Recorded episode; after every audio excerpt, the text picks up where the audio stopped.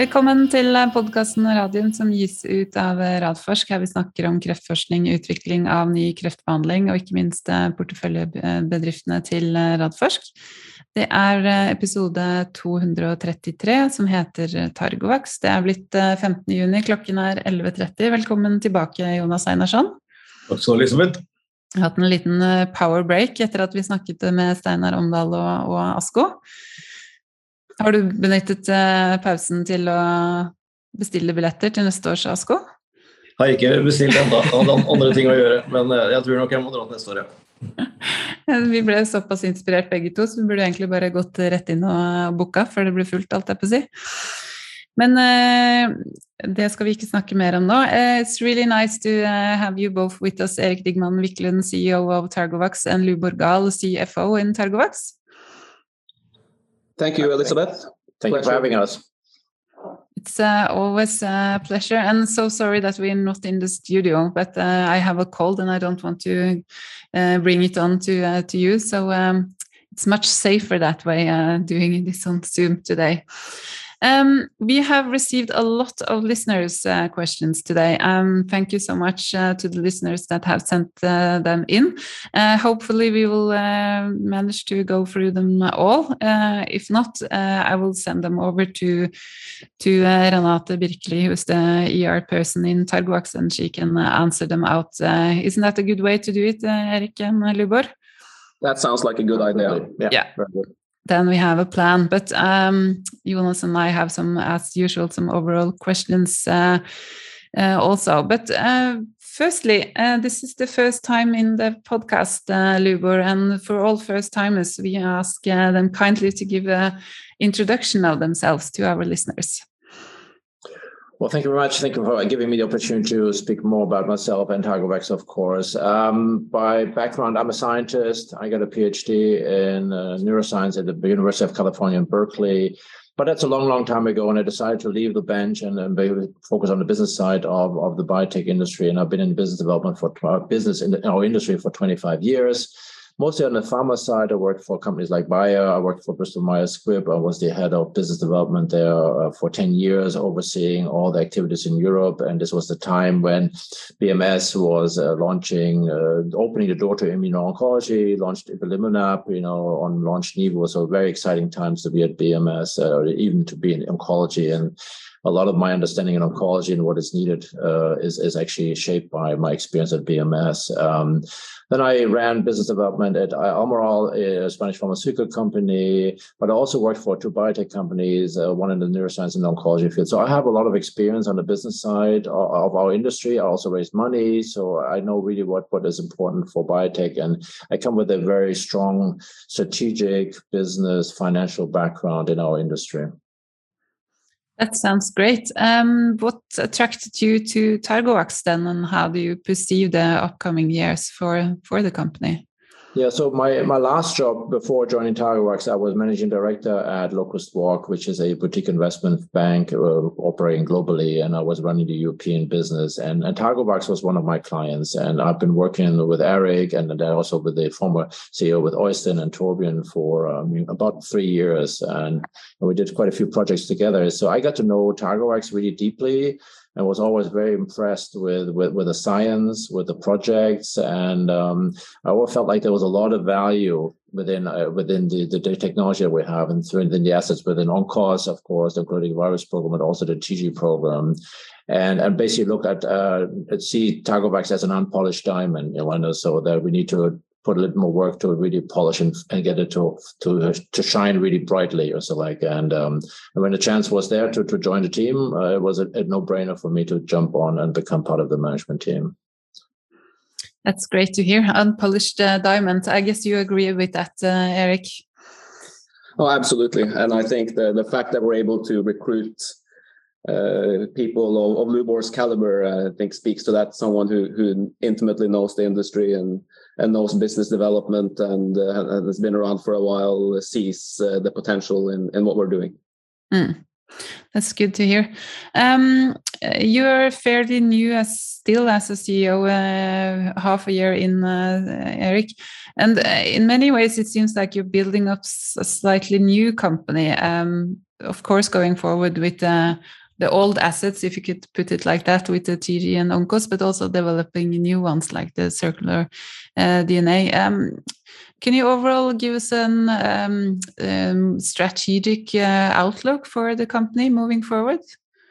Yes, absolutely. So we have three pillars. Our our corporate strategy is centered around Oncos 102, which is the, the lead clinical program. It's uh, the most advanced. It's entering phase two. We're planning a, a, larger trial in, in melanoma with multiple combinations. The second leg is uh, KRAS TG. So we're bringing that back to the clinic. We, we announced already one collaboration trial uh, to start in Oslo later in the year, and we're working on, on more. So that's the, the, the second part of our, our strategy. And, and there we, we try to do it as at as low a cost as possible to Targovax. So we're relying a lot of on external collaborators to provide both resources and funding to the trial, including grants from Innovation Norway and and uh, NFR, Norwegian Research Council. And then the third uh, platform is circular RNA, which I think is the big opportunity for for the future. So that's the the pipeline program. That's how we plan to build on what we know and uh, and expand uh, and create new value opportunities as, as we move forward. So ONCOS 102, most advanced lead clinical asset, Targovax sponsored, KRAS, uh, low cost clinical development, keep moving that forward. And third is uh, building a platform around circular RNA. Great, thank you. Um, do you have any comments, uh, Jonas, before we move on? No, as I've said uh, before, I think it's it's really exciting but difficult times for all of biotech companies uh, the, the, the, this year. But uh, there are some uh, exciting news, and uh, of course, since I, I founded the company together with Amund uh, many years ago, on based on on the KRAS and the TG01, I think it's very nice to hear that bring it back to the clinic because I I really believe it uh, it has its place and uh, that the, the cancer peptides and also the oncolytic viruses in combinations uh, will be the next step for for immune therapy and the circular RNA. I'm, I'm trying to understand, but the only logical part there is that mRNA is, is there and it's going to be there, and if you can improve that, that uh, looks exciting. So it's just a matter of getting through these very tough times as we are in now. So there are some potential here, absolutely. Good. Uh, did you want to comment on the on the on the circular DNA, Erik? It looked like his RNA. Sorry. Yeah. On the circular RNA, no, that's uh, so. This program uh, is advancing. We, of course, we recruited probably the top scientist in in Europe and one of the pioneers globally in circular RNA, Thomas Hansen. So he is now uh, working full time Targovax, setting up the program. We have multiple avenues we're pursuing. He brought with him uh, the the key scientists from his lab.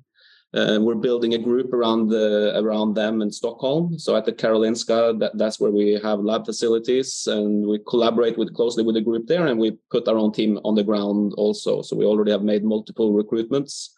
Uh, the the team is busy generating data uh, we already have uh, very interesting observations. We're, we're, we're getting along in terms of how we design our, our circular RNA. I think the aim is uh, Q4, probably this year, we should be able to start uh, communicating externally a bit more concretely about our plans, how we're building uh, our IP portfolio and and uh, and uh, the, the, some pre, preclinical proof of concept data at, at, the in vitro level at this point. Hmm. I think it's important to understand here that this is this is complex uh, stuff. From from idea to starting a clinical trial for a pharmaceutical product, I would say typically if you do it relatively quickly, that it takes three to four years it's simply how long it takes to generate a concept all the way to something you can put in the patients. It maybe if you're if you're quick in, in, one to two years, you might be able to, to generate sufficient information to design a drug candidate.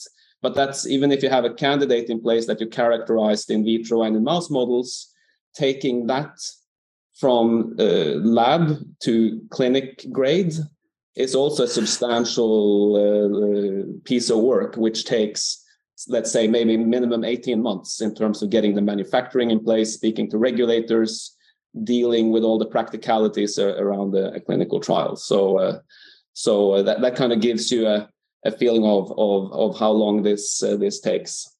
Mm. at the moment, we're focused on showing, getting it to work, optimizing it, showing it can be applied in various settings, and then carving out uh, an IP territory for ourselves. And then from there on, we will build forward to generate our own in-house product candidates. And then we also plan to use this as a setup for, for trying to generate partnerships with other companies to explore the technology. We believe this is applicable not only in cancer, but other, other, other area, arenas and uh, and hopefully we can we can find partners who who then will will use our technology platform to to explore this in in other types of disease. Mm. Good. Uh, we uh, you were also at uh, ASCO last uh, week. We just uh, said in the in the in the introduction, Jonas and me, that we were just talking to Steinar Aamdal, who was also there, and there you actually presented two posters on the Oncos 102.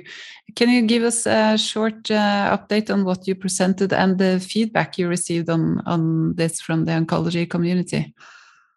Yes, we had two posters at ASCO this year.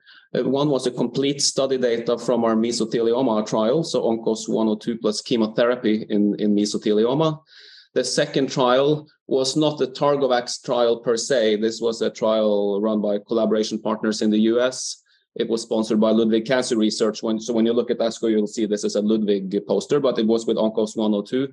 Uh, and this was in a very late stage colorectal cancer population, which is resistant to chemotherapy, uh, as well as non-responsive to immunotherapy, uh, really like terminal late stage type patients with with no no alternatives really in terms of, of treatments.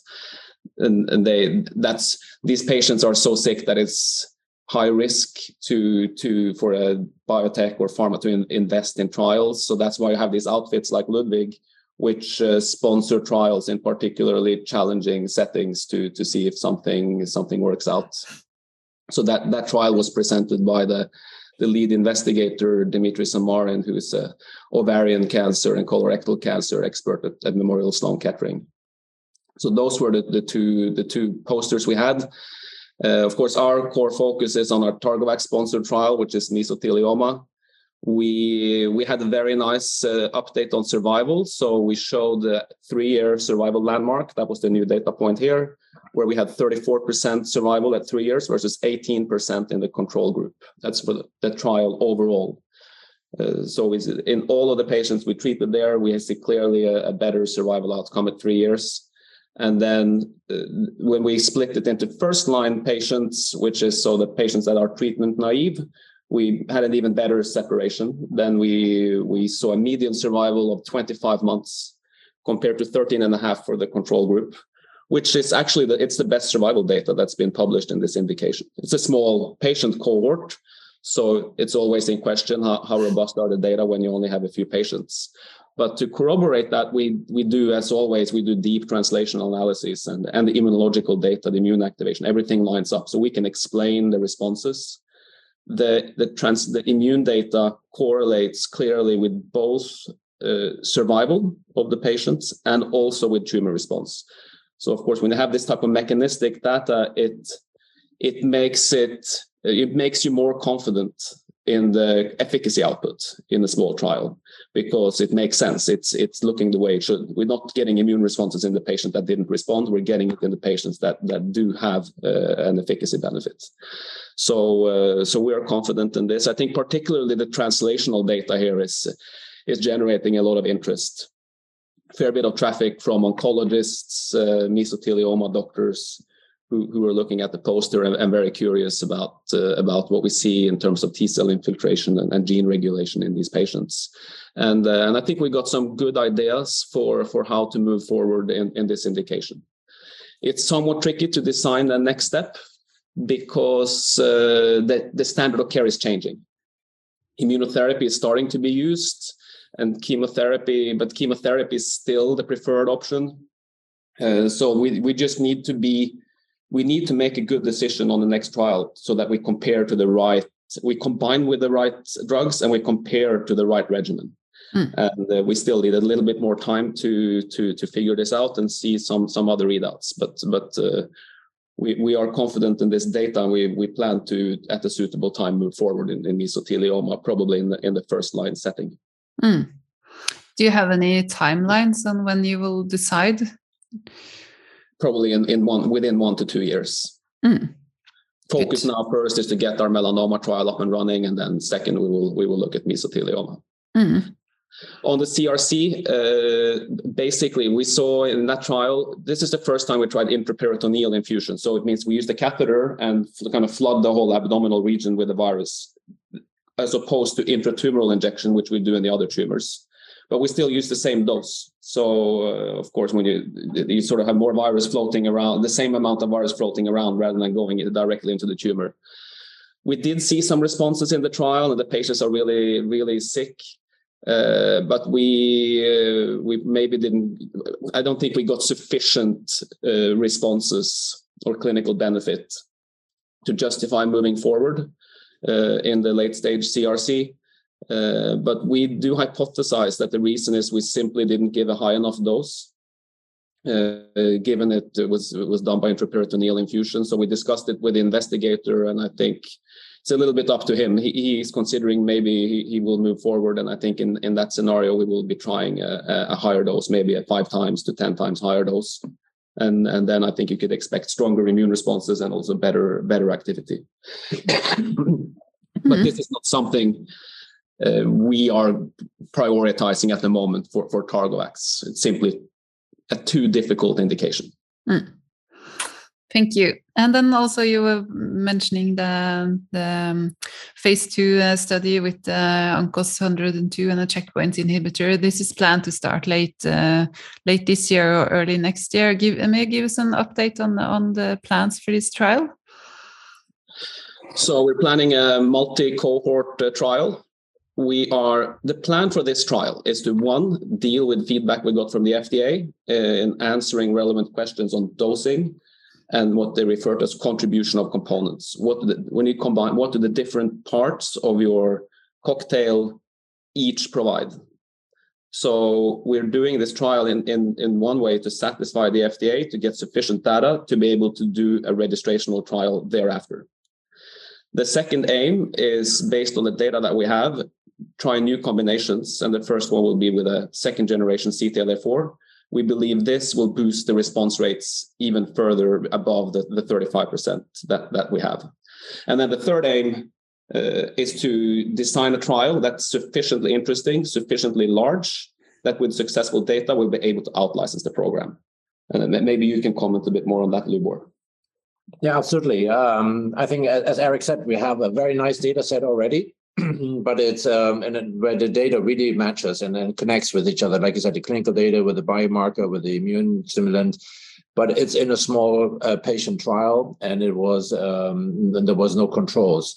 And so what we have found out in, in our previous partnering outreach is that pharma companies are very impressed with the current data package we have, but it isn't in a size or uh, that it allows them to really make a decision. Or so like it's a, it's in a promising stage. So it looks very promising, but and then what I always say, we need to see it in a much larger study, randomized clinical trial with a comparative arm. And this is what exactly the study is going to um, do. And so, in our view, if we, we we have to size it in the right way, and sizing means, of course, then we have to increase more patients, which of course has higher costs. So this is a clinical study that that that will require significant funding.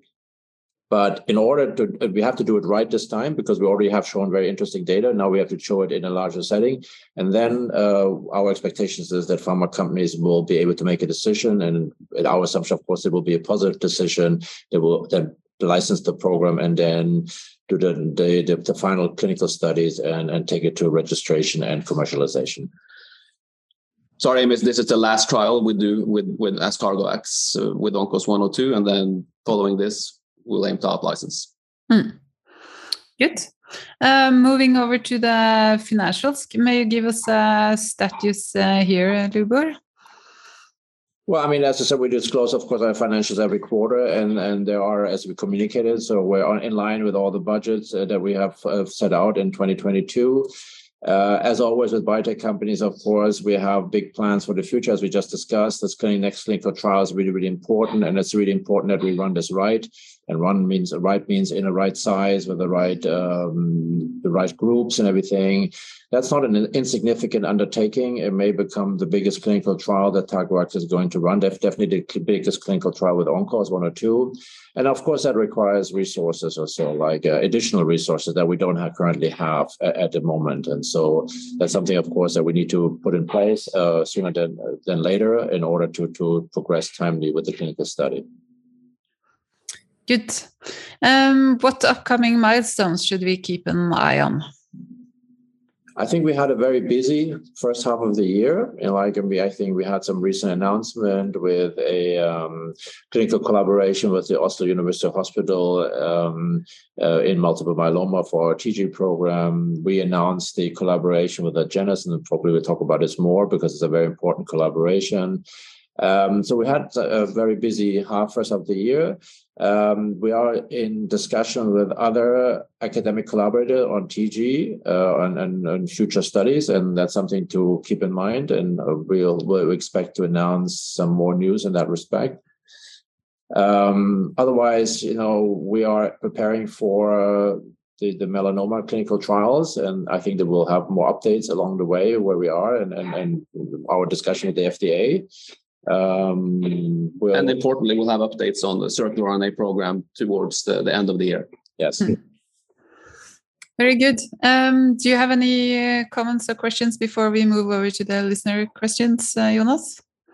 Yeah, uh, I'm, i mean, uh, I'm, uh, I really agree that uh, you know have to do a randomized trial because uh, I've also been talking to the big pharma companies with a lot of our, our companies, and uh, it's always the same. Uh, you you have a very nice package, and uh, I can compare to Ultimovacs where we had uh, four phase one slash two studies, and the, the, feedback was this is very really very interesting, but again there is something new. I mean, uh, the cancer uh, vaccine hasn't been that successful so far, and uh, probably a little bit more with oncolytic virus, but uh, the, the, jury is sort of still out, and uh, they're always saying, and then you really need some uh, really good powered randomized studies. And I don't know what you are planning, but I see that you are in, in about 150 patients kind of of study with with a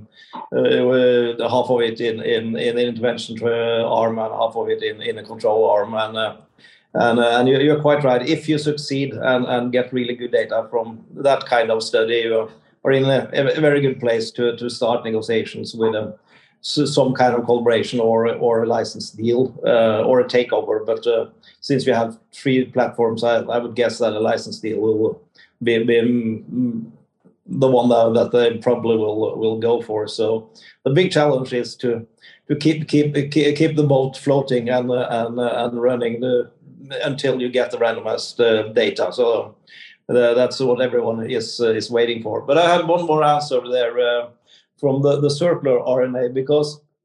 Uh, I, I, understand that it takes time, uh, and I think maybe the uh, though that the, the, data that will come out uh, before you go into the clinic because the, we already know that uh, mRNA is uh, very good to use and we've seen that with with the, the COVID-19 and and uh, the, in infectious diseases and mRNA. But we also all know that the mRNA has a lot of flaws that uh, should have been should be solved. And I, I think that if you can sort of also in the pre- preclinical part show that you are solving some of the problems that there are with with uh, mRNA. Uh, could that be sort of uh, inflection value inflection point? Yeah, I think absolutely. This is such a it's a hot space at the moment. Circular RNA have so many advantages. I mean, even flagship is set up Moderna in the first place. They they believe circular RNA will replace mRNA. Because of it's so much more stable. It, it has so many chemical advantages that once you kind of crack how to do it and get the right format for it, it, it is the future. And, and we're an early mover here, of course, and, and we're doing it in a different way than the others. So uh, yeah, we're pushing past, and, and I'm, I'm confident that preclinical data here can can can move the needle when it comes to to convincing other parties to to collaborate with us. I think that's a key point. So I mean, to your point, I mean, um, well, of course, it's early days, but I mean, we're generating data every day, uh, and, um, and and when we have when we feel like we have a strong data package together, we're going to reach out to pharma companies and and start to find right, uh, try to have partnerships in place before we have to even go to the clinic because it's such a hot space, and we're sure that some pharma companies want to play in this space. So I think the I, I would expect that we have partnerships in place before we actually are in the clinic. Yeah, that, that was exactly my point because the, the, uh, this is a technology platform, but the ONCOS 102, uh, you can maybe also call it a technical platform, but it's a product uh, candidate. Can, can with candidates as it is in in uh, in uh, in the K, KRAS uh, part of it. But this is a really technology platform, and we we have seen that if big pharma sees that there is a new technology platform evolving that they really need that they're more eager to to make uh, kind of deals much more earlier than than they do with product candidates. Exactly. I think the early deals you see are typically for novel interesting platform technologies. And then the later deals are typically more for product candidates that are sufficiently de-risked in larger randomized trials. Yeah. So that's why we're, as you were touching on before, Jonas, that's why we're designing the next trial the way we're doing. And we're actually building on real world feedback. Uh, as Lubor alluded to before, we, we did project with Locust Walk and we've taken this, this program around and, and spoken to the big pharma companies. And, and based on that feedback, uh, we are, which is largely positive, but mainly that the, the trial uh, trials we've done to date are too small. The, we, we are designing the next step to deal with uh, with exactly the the, the issues and, and, the feedback we we got from real world uh, evidence. Yeah, thanks. Good. Um, then we can move uh, over to the questions uh, from the listeners, uh, which is uh, quite substantial list. Um, we have one listener who has actually grouped uh, his uh, questions into different headlines. So I will start with the one with the headline shareholder value. And first question the drop down merger that was recently formalized. What is the background for doing this? Are you considering selling off some assets?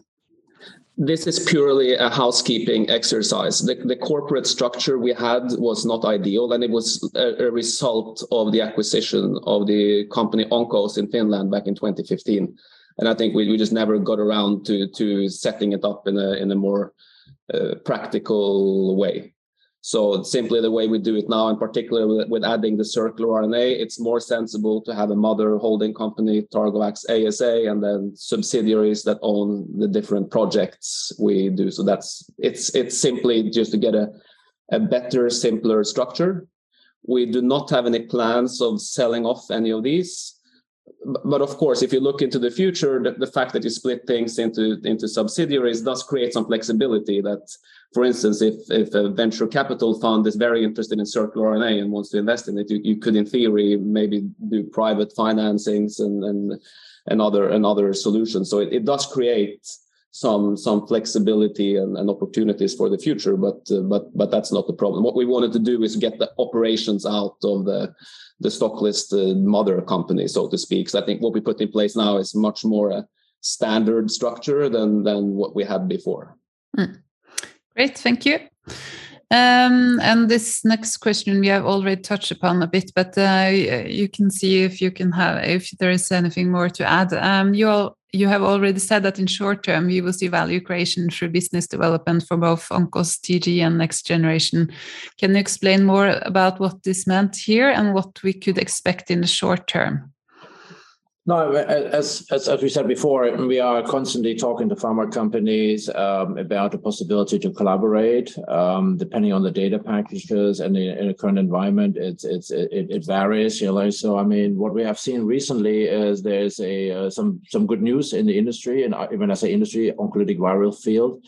Um, CG Oncology has presented good results, and we feel like that uh, the oncolytic virus field is becoming a, a, a, very interesting topic to pharma companies again. Or so like, and and, and it's our expectation that we will be able to benefit from it because of the data that we have. So what we are, um, we're not right now actively talking to them right now, but we're towards the end of the year, we're, we're basically repackaging our information and we will do reach out again to pharma companies to see if we can find collaboration at this point in time. But like Jonas was saying before, pharmaceutical companies have certain expectations on the data packages and our package does not fulfill all these uh, expectations so i want to be clear with that uh, with, with our listeners um, and the next clinical trial will definitely address all of those issues. And so that's why we really are very very interested in running this trial because we, we really strongly believe in 102 and we think if we run the right clinical trials we'll have the data that will convince the pharma companies. So while we're constantly talking to them you know we have to be realistic what can be achieved. It's also of course a matter of what kind of transaction you want with the pharma.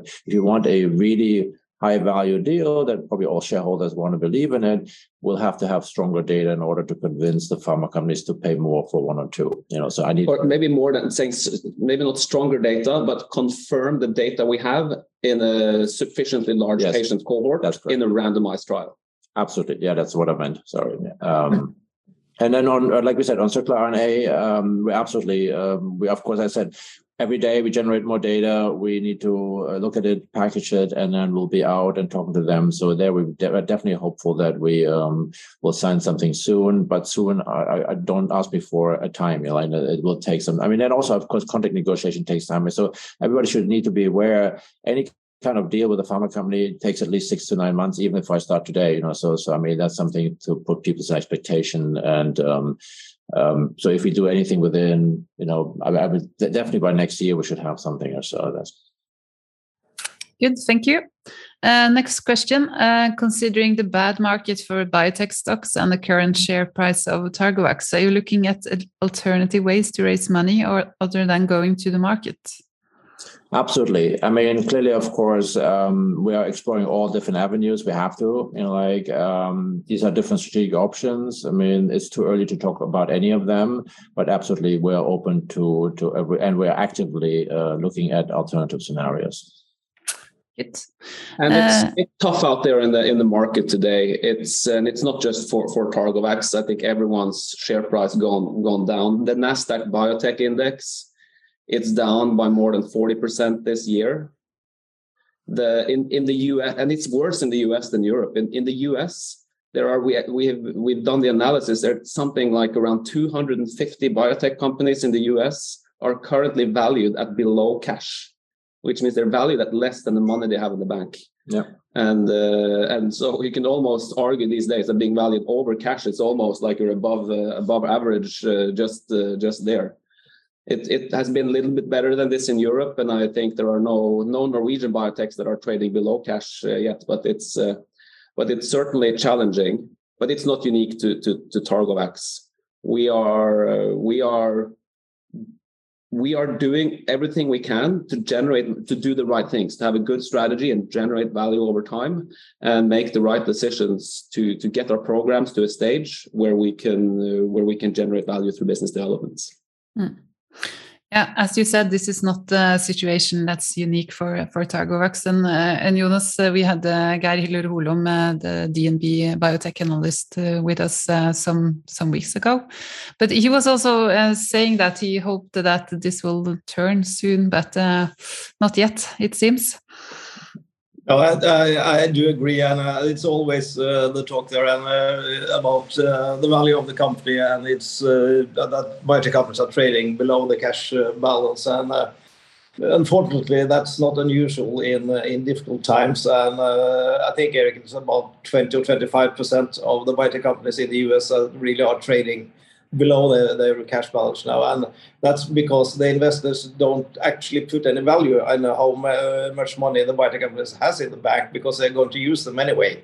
So uh, they they won't get get them back. So uh, it's it's sort of sort of artificial to to uh, compare with that. And uh, this only shows that this there are really really difficult times and. Uh, all the, the risk money has uh, gone away from from from these kind of companies and over to companies that are uh, really have has revenues. So it's everything is going over to the revenues. But uh, as we have talked about earlier on in, in the podcast too, there is uh, uh, another world out there and that's uh, the big pharma companies, and they, they have really too much cash, and they have to put those money in into to work, and uh, they're also facing that uh, the whole immune therapy first generation is uh, going out of patents in four to six years, and they, they have to do something about that.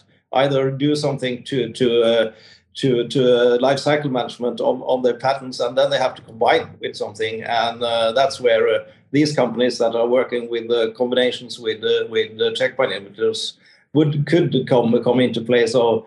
I, I still, I, and I, I, know I'm always called a terrible optimist, but um, I, I, still think that the big pharma has to come come out and, and start doing deals in in a year or two. So it, it looks rather grim right now, and uh, we we have broad portfolio, and uh, all of them has gone terribly down during uh, last six months. But uh, we we are in in there for the for the long term. So uh, I've I've been in this business for 22 years, so I've I've seen some downs before, and uh, usually we get get up again. So I'm I'm not that terrible pessimist if if you are able to look some years into the future. Yeah, and you're right, Jonas. The pharma sector has done well most of the farmers are, are, are performing very well and they they have cash to spend. So in terms of, of deals, I think it's realistic to anticipate that uh, the activity will go up. But on the other hand, there is 1,000 biotech companies or so more out there, more, more, that mm. uh, that all have an interesting story. So uh, so you're still, I mean, you're a small biotech in Norway. It's uh, it's still a tough job to to stand out. There's a handful of maybe I don't know 20 big pharma companies, and they're not doing deals every day. Right. No, I mean, I think this is this is a challenge right now in oncology. Um, it has become an incredibly complex field with all the different targets, and it's a different combination, as you said. You know, a different combination that you can do now. And there's a lot of noise in the oncology field, and you have to stand above the noise. And the only way to do this is to have really good data, you know, to, to have a clear view of how you can differentiate, how you can be different. And and you know, if you you know follow just the, the trodden path, you're going to be arriving too late, and nobody will care, you know. And so like, so you have to be innovative, you have to take some risk, but you have to convince only with data. And I think we have that all in plan, and, and we can lay that out, and, and we, we can show that with the, the, the trial that we're planning uh, we were we were thinking very hard about the situation, and and we're looking we're using all the insights that we have in order to come up with a differentiating strategy. That sounds good. Uh, this is actually the motto of the podcast. Uh, it's all in the data. So uh, we should have that trademarked soon, uh, Jonas. um, moving over to the to the listener questions. Um, why doesn't the management of Targovax buy shares at these levels? I think most of uh, most of the management, if not all in management, already own shares in in Targovax. Mm. Um, yep. No, and and you're absolutely right. I am looking at the share price, and that's exactly on my mind also. So. Mm. Uh, next question: Why did uh, Magnus Jäderberg quit, and why was the market not informed? So uh, I don't think it's right to say Magnus uh, quit. So Magnus was reaching a stage in, in, his career where he he wanted to wind down and then consider retirement uh, in the next couple of years maybe. And Targovax were setting up like an ambitious new clinical program and starting our, our new melanoma trial. So we decided that then it's we want to have a, a, the chief chief medical officer to take over we wanted to have in place already from the start in setting up that trial, designing it. You want you want to own the project from the beginning. So Magnus actually recruited Lone, who is now our chief medical officer himself, uh, uh, about a year ago. Initially, then as chief development officer, and it was always the plan that uh, there would be an overlap period between the two, and then over time uh, Magnus would would, would uh, transition out. Uh, and Lone is an uh, extremely good recruitment uh, for us because she was responsible for running durvalumab, so the PD-L1 checkpoint inhibitor of AstraZeneca. She was responsible for that in women's cancers. And uh, she did so. She has this up-to-date experience of running immunotherapy combination trials, and this is extremely important. As we, that's what we're doing now. We need to design the trials smartly, and this is not a, a simple task. And then you need to deal with the shifting regulatory environment. So we were very fortunate here to find someone with up-to-date experience from exactly what we're doing and she's been running exactly the same type of trial which is like a, a platform protocol with with multiple cohorts. So I think uh, yeah, without her on board, we we probably couldn't pull off this trial we're, we're planning. Uh, so uh, yeah, th- this was uh, I guess you could say su- succession uh, planning. Mm. Good. Uh, we can move over to the next headline then, ONCOS 102. Uh, first question Are the data collected for ONCOS to date statistically significant, or has the patient sample size so far been too small? What we have done with ONCOS 102 to date are small exploratory trials. They're not set up to generate statistical significance on an efficacy endpoint, just to be clear. So you're looking for sig- you're looking for safety and toxicity, whether it's you can dose the drug properly, and you're looking for signals of activity. You're looking for uh, some some some evidence that you do have a efficacy and the size of that, so that you can subsequently design a trial to give you statistical significance in a randomized setting uh, for for what you've seen in, in the first trial. Having said that, so, so to be clear that with 20 patients, it's impossible to get statistical significance on like ORR or, or survival. However, on the translational data, which we the, the, T cell infiltrate and the gene expression, there we have statistically significant differences between responders and non-responders and between on treatment versus baseline. And I would say that this the significance in those data is, is better than I've dreamed of. You can almost like it, it's a late stage patient population, variety of types of, of patients you get in, they're very sick. There's just 20 of them so, I mean, not in my wildest dream did I anticipate we'll get such clean mechanistic data as as we have, and uh, uh, and uh, strongly significant to the to the 0.01 most of it. So, so yes, the translational data remarkably is statistically significant. We did not expect uh, to see that, uh, but the efficacy it's just not uh, the, the way the trial is set up. No, exactly. I mean, I think we need to stress that, that you know the clinical it's it's an open label study versus no control. It's just uh, like testing uh, ONCOS. So I mean, we cannot be have statistically significant clinical results because there's no comparison. But Erik is right on the on the biomarker data. It's different. We can compare to baseline or so previous therapy, and there we see uh, spectacular results. I must say also. I mean, it's actually it speaks to the efficacy of one or two that we actually see such differences. Good. Uh, next question Is uh, Targovax overtaken by competitors who seem to land big deals with their oncolytic viruses? And why is Targovax lagging here? So I mean, we of course, I mean that's that's a, that's an area we we, we scan and, and look at the whole time, and there hasn't been any deals uh, in oncolytic field lately. I mean, I mean, there's one there was one acquisition by Checkmate uh, by Regeneron, and um, that's actually not that's a different approach. It's a totally different approach. You know, like it's actually more in the space that we're in, the melanoma refractory space. If we look at oncolytic viruses, these transactions have done been done many years ago. Um, and some of them have been done for um, uh, IV, so systemically administered oncolytic viruses, which at the time was uh, hopeful that they would um, that they would you know, be the next generation and also um, but for instance one deal that we know quite well is like the BMS PsiOxus deal that was a big deal a few years ago but we're talking about now probably five years, five years ago five yeah. years ago. 50 million up done up front. Big promise but the program is nowhere. Actually, as to our knowledge, is terminated. You know, yeah, so, the rights were handed back, and the, the, the program is terminated. And the company is doing something else now. That program is no longer active. So, so I think there've been, a, I think in the first wave of oncolytic viruses, like over five years ago, pharma companies did some bets but none of these bets have worked out. We don't see any of those bets in the clinic right now. So, mm-hmm. like you know, so and I think we're now saying a resurgence in in the field, and I think we're going to see maybe more deals in the future, and then we definitely expect to be part of that and, and almost all of those deals uh, earlier were with IV technology. That, and that's an important that that that people big pharma told us this. Do you have a do you have can you deliver IV? This is what we're after. And our view has always been delivering a naked virus uh, IV will not work because you need to repeat those and you can't repeat those in naked virus OV because you get neutralizing antibodies and immunity and the body will just clear out the virus. So this has always been our position but still there were many big bets placed on such strategies just delivering oncolytic virus iv in a naked form. And i think now it's becoming clear it didn't work out. Mm. uh, we were i think now safely we can say we're proven right the PsiOxus is a case in point. It simply didn't work. And now PsiOxus is doing something else and the, the that the deal for that lead program was uh, that the rights were handed back Uh, so, uh, so unfortunately, we didn't get the big deal at that point.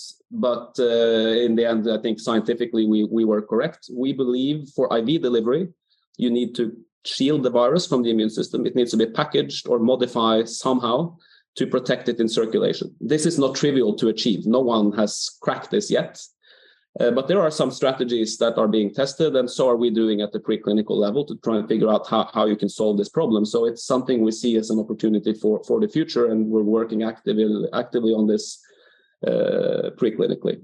And then another issue here was, as Lubor said, there hasn't really been any deals apart from maybe some checkpoint inhibitor supply deals in the last couple of years. That's driven by T-VEC. So the virus from Amgen, which is approved, Imlygic, or T-VEC, which is the shorthand name, this failed in the in the phase three trial uh, that was presented at, at ESMO last year, and uh, and that really kind of soured for for everyone. It, this is not a particularly good virus; it doesn't work really well. But the fact that this didn't perform and had negative data, I think, created a lot of uh, skepticism in in the space. So then then it was hard to to do deals for for a period.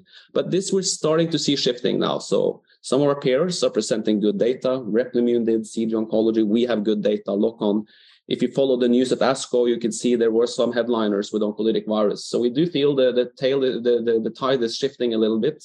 There are some tailwinds and um, we are we are optimistic that uh, that uh, for the future uh, business development will be much more more feasible in, in the oncolytic virus space. Mm. Thank you. Uh, next question: How is the exploration of intravenous administration of ONCOS progressing? Yeah, I think we largely answered that yeah. Uh, before. We yeah. we are exploring packaging technologies or genetic modification technologies with the aim of uh, making the virus stealth when it's circulating in the bloodstream so that it can't be bound by neutralizing antibodies or recognized by the immune system until it enters the tumor. Hmm. Uh, and, uh, and, then we will it's it's not trivial. This is not something you come up with in three months and then put it into patients. So uh, so uh, we, are working on it. We have some good ideas and uh, we have some promising leads uh, but uh, again, this is something we will bring into the clinic in, in the future, maybe in the form of, of one of the circular RNA candidates once those are ready. Good. Uh, moving over to next uh, headline, melanoma. Um, the collaboration agreement with Agenus seems to be sensible from a scientific point of view, but does it make sense commercially?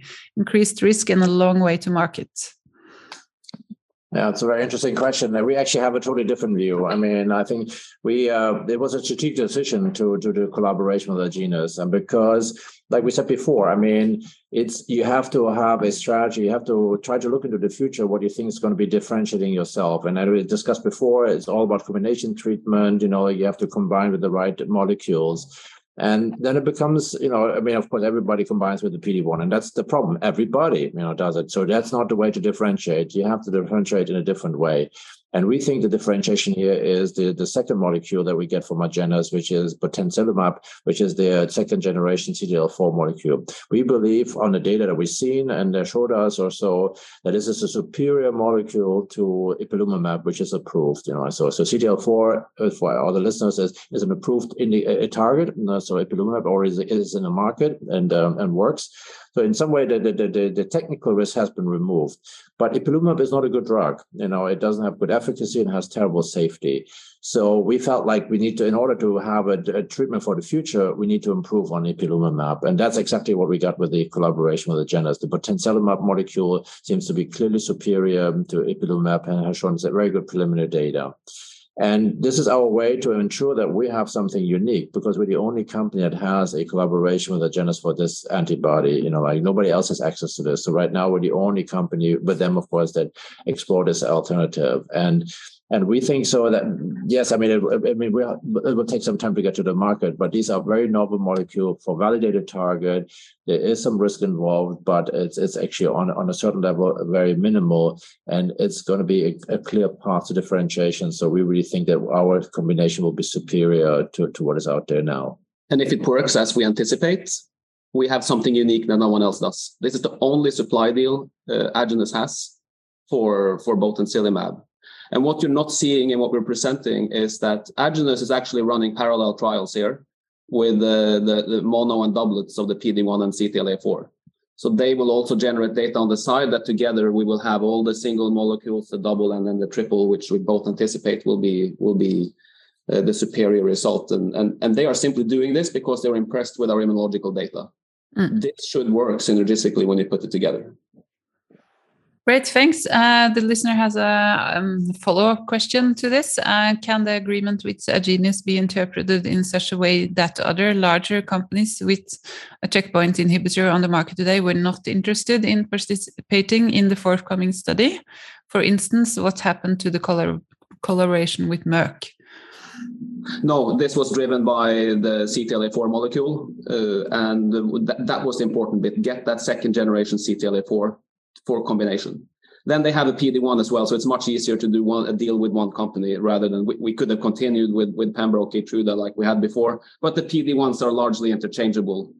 Uh, so so that's uh, I think less critical which one to use. It's it's much more beneficial to just have one partner supply all the drugs. And Merck they don't have a CTLA4 that is attractive. BMS ipilimumab, as Lubor said, is not a great drug. There are there are better alternatives that will in the future we believe uh, be superior. So so therefore we we made this uh, decision. Plus we already have a deal with them on on QS21 for our TG program. So we're crafting sort of a bigger strategic relationship uh, with them, and it's simply for a small company like us, it's much easier to deal with another biotech and deal with one partner rather than have multiple of these. Yeah, I mean, the only thing I want to add to, I mean, all the things that Erik said are really important. You know, the, the, the CTLA4 molecule is absolutely critical. That was the reason why we did the deal. Then we had a lot of other advantages of working with one biotech. But the, the, advantage we have to stress is that when you work with a larger company, you're basically the junior partner. You have nothing to say. You know, like, you know, basically they, they set the rule. You know, so and then your clinical design, your clinical protocol has to fit what they want, and then not be the best for your molecule and for the way you want to run the trial. So with a partner like Agenus, of course, we have much more freedom. We're looking more eye to eye. They also, of course, speak our language, understand where we're coming from, and so so for us and for develop our development strategy is much much better than working with a larger pharma company. We are a much more important partner to Agenus than we would have been to a big pharma in this context. Great. Uh, next question. Is it realistic that certain cohorts can be sponsored by companies that want to test their products with ONCOS 102? Yes, no, absolutely. I mean, that's just the, the innovative design. So absolutely, we're, we're, we're, that's something we're thinking about. While we have, of course, now this relationship uh, with with Agenus, we are constantly looking as are there any other ways that we can differentiate, and as maybe another combination that would be equally or even better. And uh, then we could talk to these companies, and and and they could contribute to our clinical development program. Absolutely. And we are having some active dialogues to that regard. Mm. So that, that may come we're exploring uh, opportunities. What we are filing or, or proposing to the FDA is what is referred to as a platform protocol. And then with amendments, you can add on cohorts later. So we start with the four cohorts. We submitted that as a proposal. One, two, three, four is ONCOS mono, PD1 combo, CTLA4 combo, and triple. So that's what's gone in. But then you uh, you can file amendments and add cohorts five, cohort six in, in the future. Mm. Good. Uh, is it expected that it will be challenging to recruit patients to the various cohorts, given that they have been heavily treated from before? Actually, we had dinner. Lone and I had dinner with a PI for the trial, a, person called uh, Douglas Johnson. He's an important KOL in melanoma based in, in Nashville at Vanderbilt University. And he said that actually he thinks the fact that we're using both botensilimab here is an advantage for recruitment because this is something he he he's very curious to try himself. So investigators, we believe, will actually be uh, will be more interested in patients also uh, because of not only ONCOS 102 data, but because of the, the combinations we are we are offering. So I think we're we're setting up something here that uh, that uh, the KOLs and the patients will will uh, like. And and to add to that, when we when we took our data around about a year ago, we we went to a number of KOLs globally and discussed it. And I think every single one of them proposed combination with CTLA4 on top of the PD1 as something they would consider. So we're simply we're listening to what they what they told us to do, and and we found a really good uh, molecule to, to do it within with the botensilimab. Mm. That's great. But does this, uh, you mentioned uh, the PI, does this mean that you will set the, the study up in the States and maybe Europe, or have you decided on, on which yes, countries? Both, both Europe and, and uh, the US. The, the PI will be at uh, the site in Nashville. Mm, good. Um, what is the estimated cost of the study?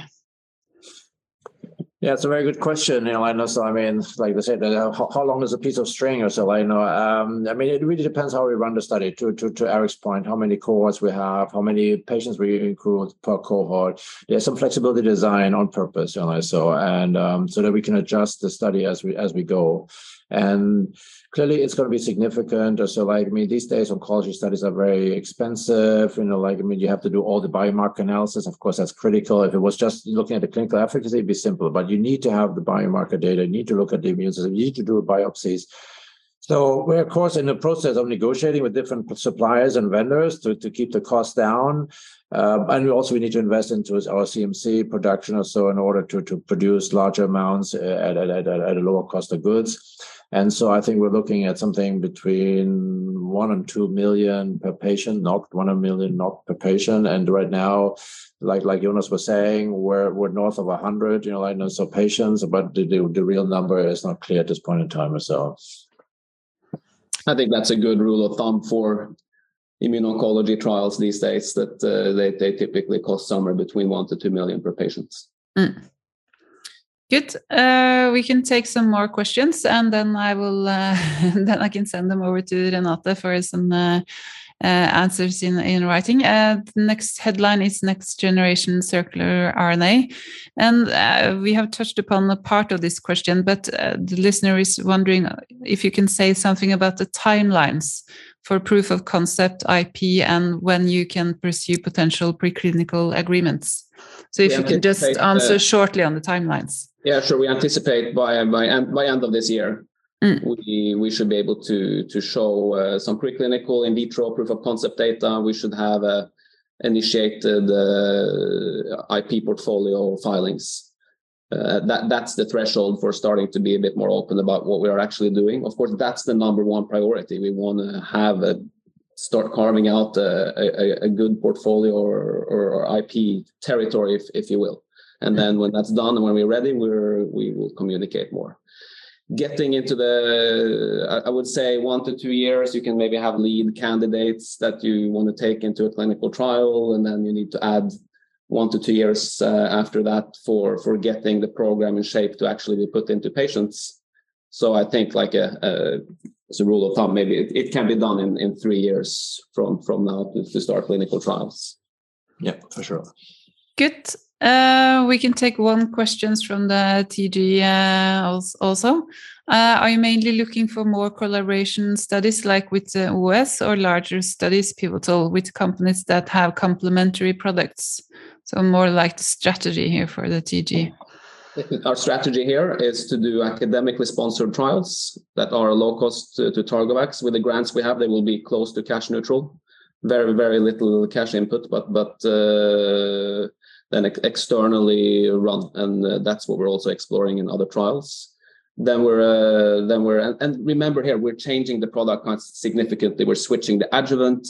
We're switching how we inject it. We're going from intradermal to sub-Q. We're putting in the PD-1. We're doing a lot of changes. So simply like if it, if we try to partner this out now, it would not be a good idea because the, the product is not sort of it's it's it's not there yet.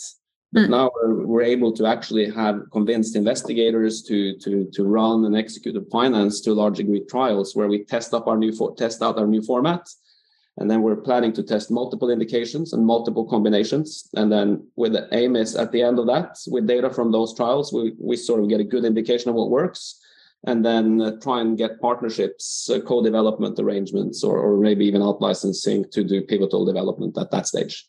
Mm. I mean, I mean, we're very excited to hear that there's a lot of interest in TG, and then people asking about the TG program but anything we do, of course, requires resources. I mean, like right now at Ericsson, we have found a, a, very interesting way to to to generate clinical data at a low expense to to Targovax. But it needs to be clear, you know, if we want to run bigger trials, like you know, you know, other our own trials, it will require financial resources. You know, like and and and as we know, there's only a finite amount right now.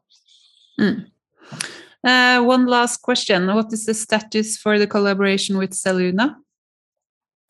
Zelluna discontinued their KRAS program as, far as I know. They're now working on, on NK cells. So that's, uh, I don't know the inner workings at Zelluna, but I don't think they're pursuing this at the moment. Maybe you, Jonas, can comment more on that. Yeah, yeah, you're quite right. They're concentrating on uh, on uh, the AK NK uh, trial there, so they're not uh, doing anything uh, on this now. Mm. Good then I think we uh, we didn't manage to go through all the questions, but we uh, I will make sure that uh, the listener who has sent it in get some some answers. Um, thank you so much for joining us today, Lubor and Erik. It was really really interesting to get an update on all all the things you are doing. Uh, it's going to be a busy busy years. Is my conclusions and very exciting we have been busy this year. I think we we delivered a lot uh, already in the first uh, six months in terms of business development deals, upgrades to our products, getting new trials in, in place, and and uh, and uh, and produced important data. Mm-hmm. And uh, we will be even busier in the second half of the year, keep putting uh, all our plans into into life. Mm. Best of luck with that. Thank you. Thank okay. You bye. for having us. Bye bye. Bye bye.